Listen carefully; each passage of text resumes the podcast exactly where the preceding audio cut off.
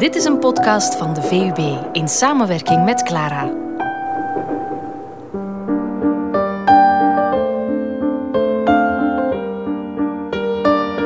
Wonderlust, de kunst van een mooi leven.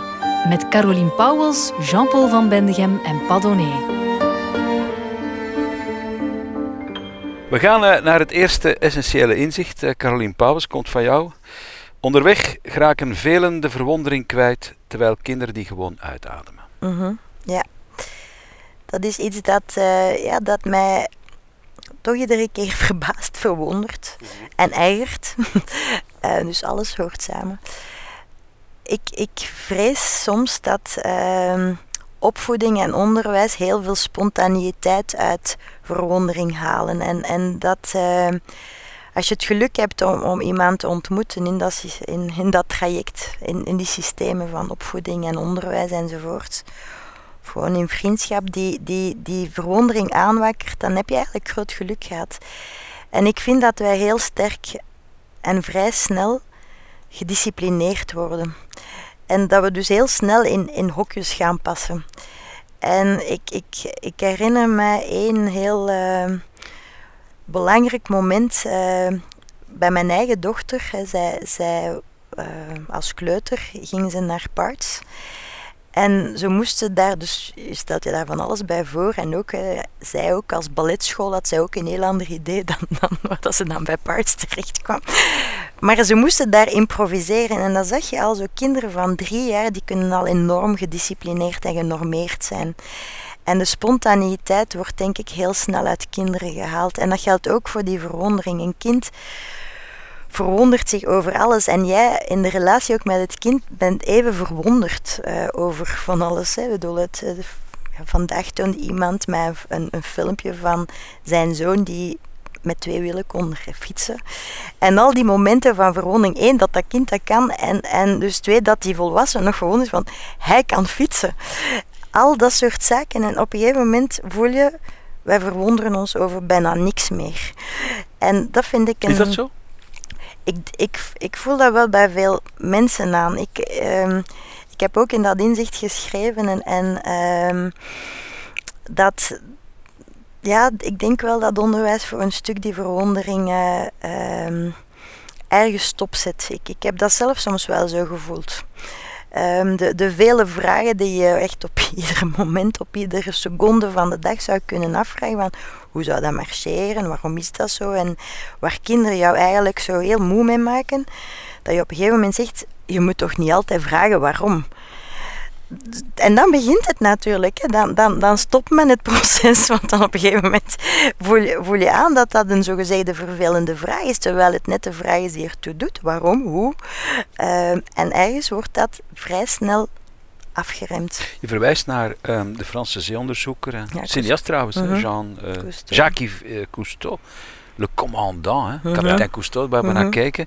Hij zegt: Le bonheur pour une abeille ou un dauphin est d'exister. Pour l'homme, c'est de le savoir et de s'en emmerveiller. Dus voor een bij of een dolfijn ligt het geluk in het bestaan. Voor de mens is het te kennen en je -hmm. daarover te verwonderen. Mm -hmm is ook een mooi woord, hè, s'émerveiller. Ja. Dat, is echt, dat is heel groot, hè. dat vind ik echt zo. Ik, ik weet niet of er een echt uh, vattend woord is in het Nederlands, maar... Uh, dus ja, Daar zit je met die verwondering, ja, die bewondering ja, zit er allemaal in, hè? Ja. Maar een merveille is ook nog van, dat is iets boven alles, hè. Um, en ja, ik, ik, ik denk dat wel. Ik, ik kan heel erg kijken naar, als ik daarnet zo zei, dat ik ook echt wel in die natuur uh, mij goed kan voelen. En, en dan ben ik ook wel iedere keer verwonderd dat die natuurcyclus er begint. En, en, en ja, je verwijst naar schroeiende aarde en dat er dan toch iets op kan groeien en zo. Dat, ik vind dat ongelooflijk. ik vind dat echt verbazingwekkend. En, en um, ja, dan, dan, dan zit ik onmiddellijk.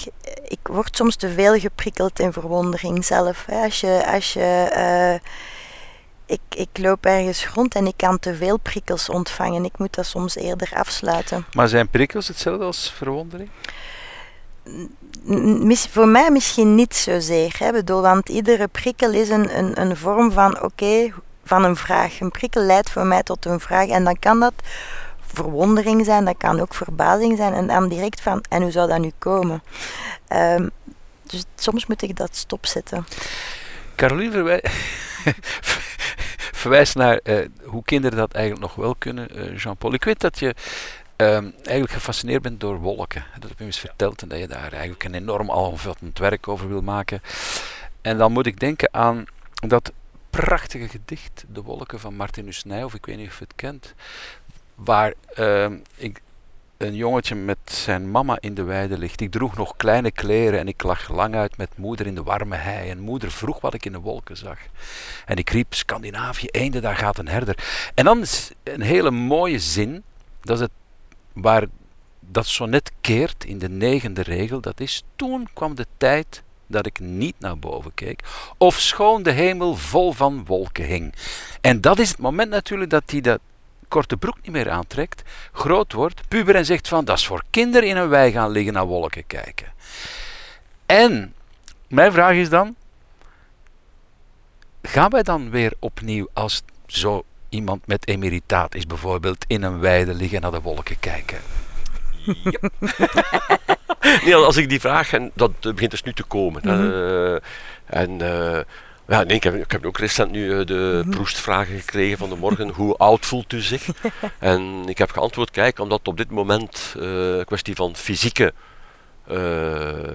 mankementen alles dik in orde is. Dus daar ben ik, hoef, ik hoef er niet mee bezig te zijn dan kan ik het niet anders uitdrukken. Uh, ik voel mij, en nu moet ik opletten, het verschil tussen nog altijd of weer. Maar ik voel mij weer een kind nu. Ik vind het heerlijk. Dat, uh, en ben je dat dan niet meer geweest? Ik vrees dat er perioden is geweest uh, dat, ik het, dat ik ook heb moeten voor mij uitkijken. Maar dus in die Seasons of Man, hè, waar je kind bent, puber, en waar je dan in een volwassen leven terechtkomt, uh, hard werken en dan e- weer ouder wordend en dus met pensioen, dan blijkt het dus zo te zijn dat je daar dat hele cruciale deel van je leven, tussen, laten we zeggen, afgestudeerd 3, 4, 5, 26, 27 mm -hmm. en gepensioneerd 65, als het van sommige politici afhangt 67, dat we ineens, wat, niet meer leven of niet meer verwonderd zijn? Goh, nee, nee, nee, dat, dat zou ik niet echt... Uh, maar algemeen, de mens. Algemeen. Uh, voor die periode, ja, ik, ik, ik uh, vertik het wel om te zeggen van die actieve periode, want dan ligt het helemaal ja, ja, dat, dat taalgebruik. Hè, dat is, uh, ja, ja, ja. dat is als het ook nooit lukt. Hè. Exacte wetenschappen, dan is de rest inexact. Harde wetenschappen, dan worden die soft. Dus mijn, mijn, mijn voorkeur, humane wetenschappen, inhumaan. Maar goed, dat, dat is dus heel terzijde. Maar dat deel, uh, dat, dat, je... dat deel wel, daar heb ik iets mogen doen waar ik, dat heeft simpelweg mijn leven wel, niet alleen zinvol gemaakt, uh, maar ook vol gemaakt. Uh, het idee dat ik zoveel jaren lang mensen heb mogen opvoeden. Ook toen ik al 60 was, mocht ik nog uh, kennis overdragen aan 18, 19-jarigen. Ik vind, dat een, uh, ik vind dat een godsgeschenk om uh, de term te gebruiken. Maar dat alleen heeft mij zoveel voldoening geschonken. maar dat is natuurlijk, daar zit daar verwondering bij. Wel ja, natuurlijk je maakt een aantal mensen mee, jonge mensen. En, en ja, als ik het heb over de filosofen, die heb ik kunnen volgen van 18 tot 22. De transformaties die je ziet. Dat is toch fantastisch. Mensen zeggen, als die op, op 18 zijn, die eigenlijk al gevormd. Ze zijn wie ze zijn. Maar daar is niks van aan. Als die op 18 binnenkomen en dan op 23 komen ze eruit. Dan denk ik, dat zijn, dit zijn andere mensen geworden. Zijn wij nu al gevormd? Op onze leeftijd? Ik vind nee, dat wij niet gevormd nee, zijn. Nee, nee. Uh, nee want... Uh, ja, wellicht. Uh, wel, het zal voorjaar 2020 bij ASP verschijnen. Dus ik wijs met beschuldigende vinger naar Nienke. Uh, ik ben mijn essay nu aan het uitschrijven met, het, met de werktitel Wijs, Grijs en Puber. Ik ervaar wat ik nu meemaak als een tweede puberteit. Echt waar, je kunt de analogie doortrekken. Het klopt op alle punten. Je herontdekt jouw lichaam, omdat er. Ja, zoals een, eh, ik ben, ben haar naam kwijt, moet dat eens terug opzoeken. Een Britse stand-up comedienne. Die zei: Ouder worden betekent dat je s'morgens de badkamer ingaat, je staat voor de spiegel en je vraagt je af: Tja, moet dat daar hangen? ik bedoel, dat is, en, en dat klopt. Maar ook mentaal. Maar ik denk in die tussenperiode, omdat je nu zegt hè, van het, het kijken naar de wolken en dan terug in de gras gaan liggen. Ja ik denk dat je dat ook in de tussentijd. niet naar boven ja, ja, ja.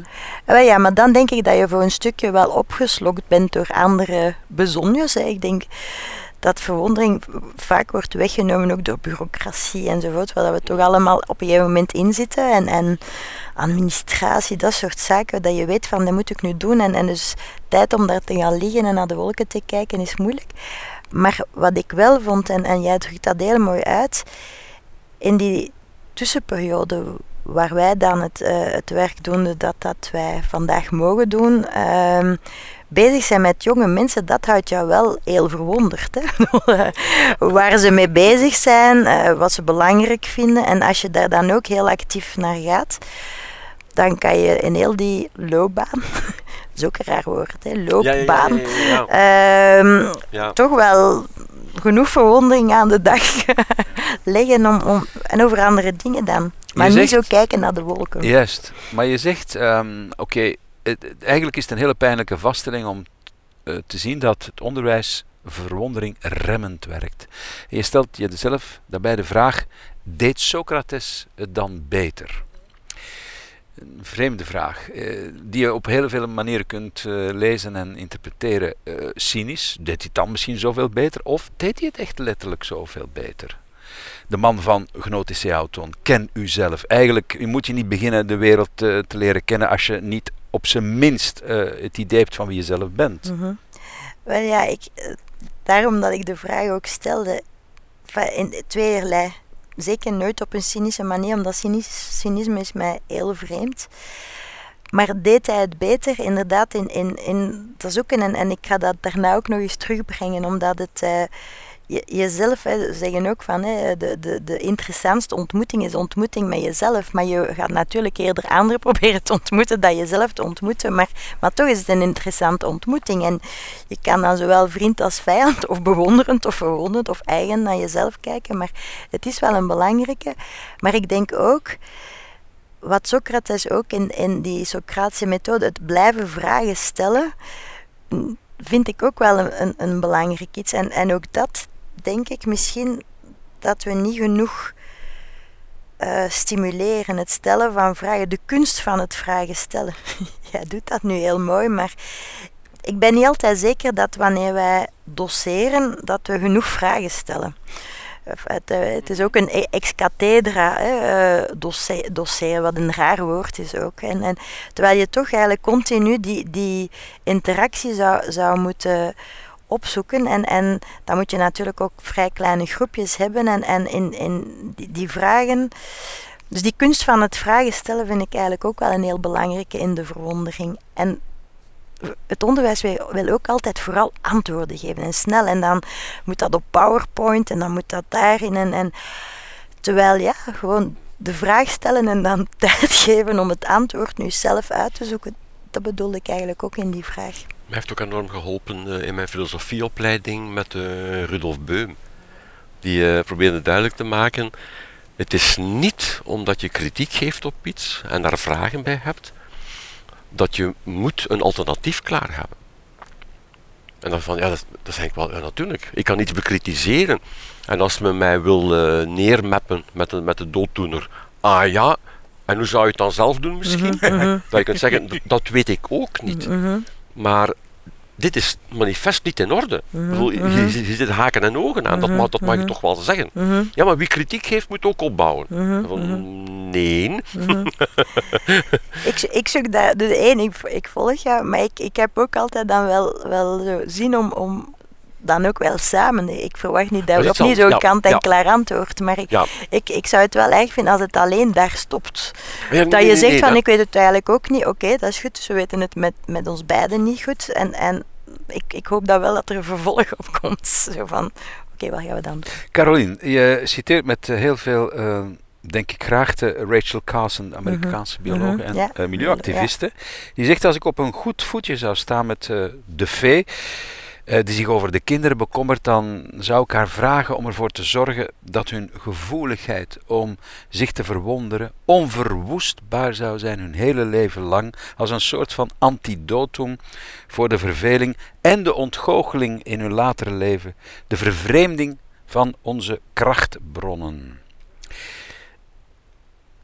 Die fee, heb je die al ontmoet?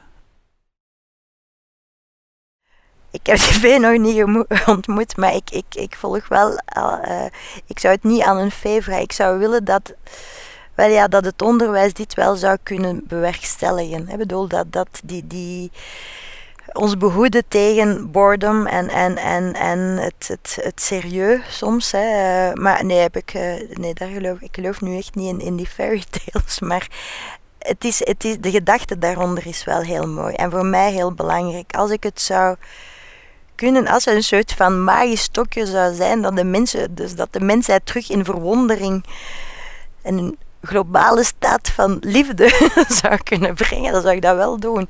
Ik vind het raar hoe, kritisch wij eigenlijk ook wel continu zijn. Ik, ik, uh, ik kan daar heel moedeloos van worden eigenlijk. En het, en het wordt eigenlijk erger, denk ik, met die sociale media. Daar staat zoveel negatiefs op en je zou kunnen zeggen, maar kijk naar Facebook, dat is toch een, een medium van like en like. Ja, helemaal niet, hè, maar uh, ik vind het wel een, een heel pijnlijke vaststelling hoe weinig bewondering er in de wereld zit. Ik, ik rijd s'avonds naar huis en ik zie een vliegtuig dat is zo, hè. ik zie een vliegtuig de lucht in gaan en dan denk ik, maar dat hebben wij toch goed gedaan. Hè. En, en, en dan, hoe zou ik eraan beginnen? Zo, van, ja, ik weet ondertussen hoe dat, dat allemaal moet en kan, maar dat wij raketten naar de maan sturen. Ik, ik, uh, ik, ik kan echt uh, die verwondering, hè, en ik heb het ook uh, geschreven, ik loop vandaag dankzij de job die ik mag uitoefenen, tijdelijk, rond als Alice in Wonderland. Of, of, of ik ga naar, een, ik ga naar, een, naar de, de faculteit geneeskunde en ik zie die daar uh, experimenten doen. Ja, op ratten en dan, dan op muizen. En dan denk ik, maar feit dat wij dat allemaal kunnen en dat mensen dat bedenken. En, en dat kan heel theoretisch en speculatief zijn. En dat kan heel toegepast zijn. En ik denk, maar waarom zeggen wij niet allemaal iedere dag, maar alleen hoe geweldig zijn wij nu?